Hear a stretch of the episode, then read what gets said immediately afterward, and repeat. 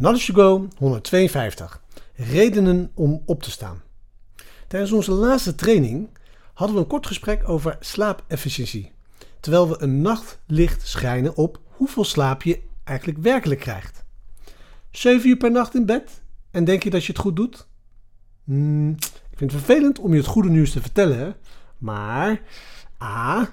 7 of 8 uur per nacht in bed betekent niet dat je daadwerkelijk 7 of 8 uur per nacht slaapt. En B, uh, door routinematig minder dan 6 of 7 uur daadwerkelijk te slapen, verdubbel je het risico op kanker. Ben ik je weer aan het confronteren? Ik deel deze statistieken omdat ik om je geef. Vandaag wil ik het hebben over waarom we zo weinig slapen. Ik begrijp dat onze samenleving raar is. En dat we denken dat het normaal is om s'avonds laat te eten en laten werken en miljoenen jaren van evolutie te schenden door onszelf tot diep in de nacht te overprikkelen. En ik begrijp het feit dat de meesten van ons niet zo enthousiast zijn om op tijd naar bed te gaan.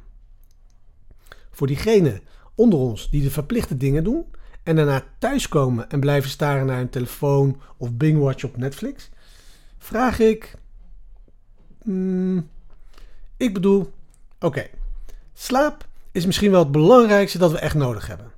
Dit deel van ons leven verbeteren moet ons grootste prioriteit zijn. Het feit is dat we anders een erg slechte rel doen. 90%, van de mensen, 90% van de mensen checken voordat ze gaan slapen nog even hun telefoon. En hoe vaak per dag kijk jij naar je e-mail of berichten in social media, nieuws, tv-show, Netflix, noem maar op. Het lijkt duidelijk dat we hier iets mee moeten doen. En dit zijn mijn tips. A. Het verband leggen tussen die gewoonte en ons energieniveau. De volgende dag of op ons algehele welzijn. B. Zorg ervoor dat de reden om op te staan met een energiek gevoel aanzienlijk groter is dan de reden om op te blijven en jezelf te verdoven. En dat is de microles van vandaag. Wat is jouw reden om morgen op te staan en je super energiek te voelen? En laten we ervoor zorgen dat dit minstens 10 keer groter is dan de reden om vanavond op te blijven en jezelf te verdoven.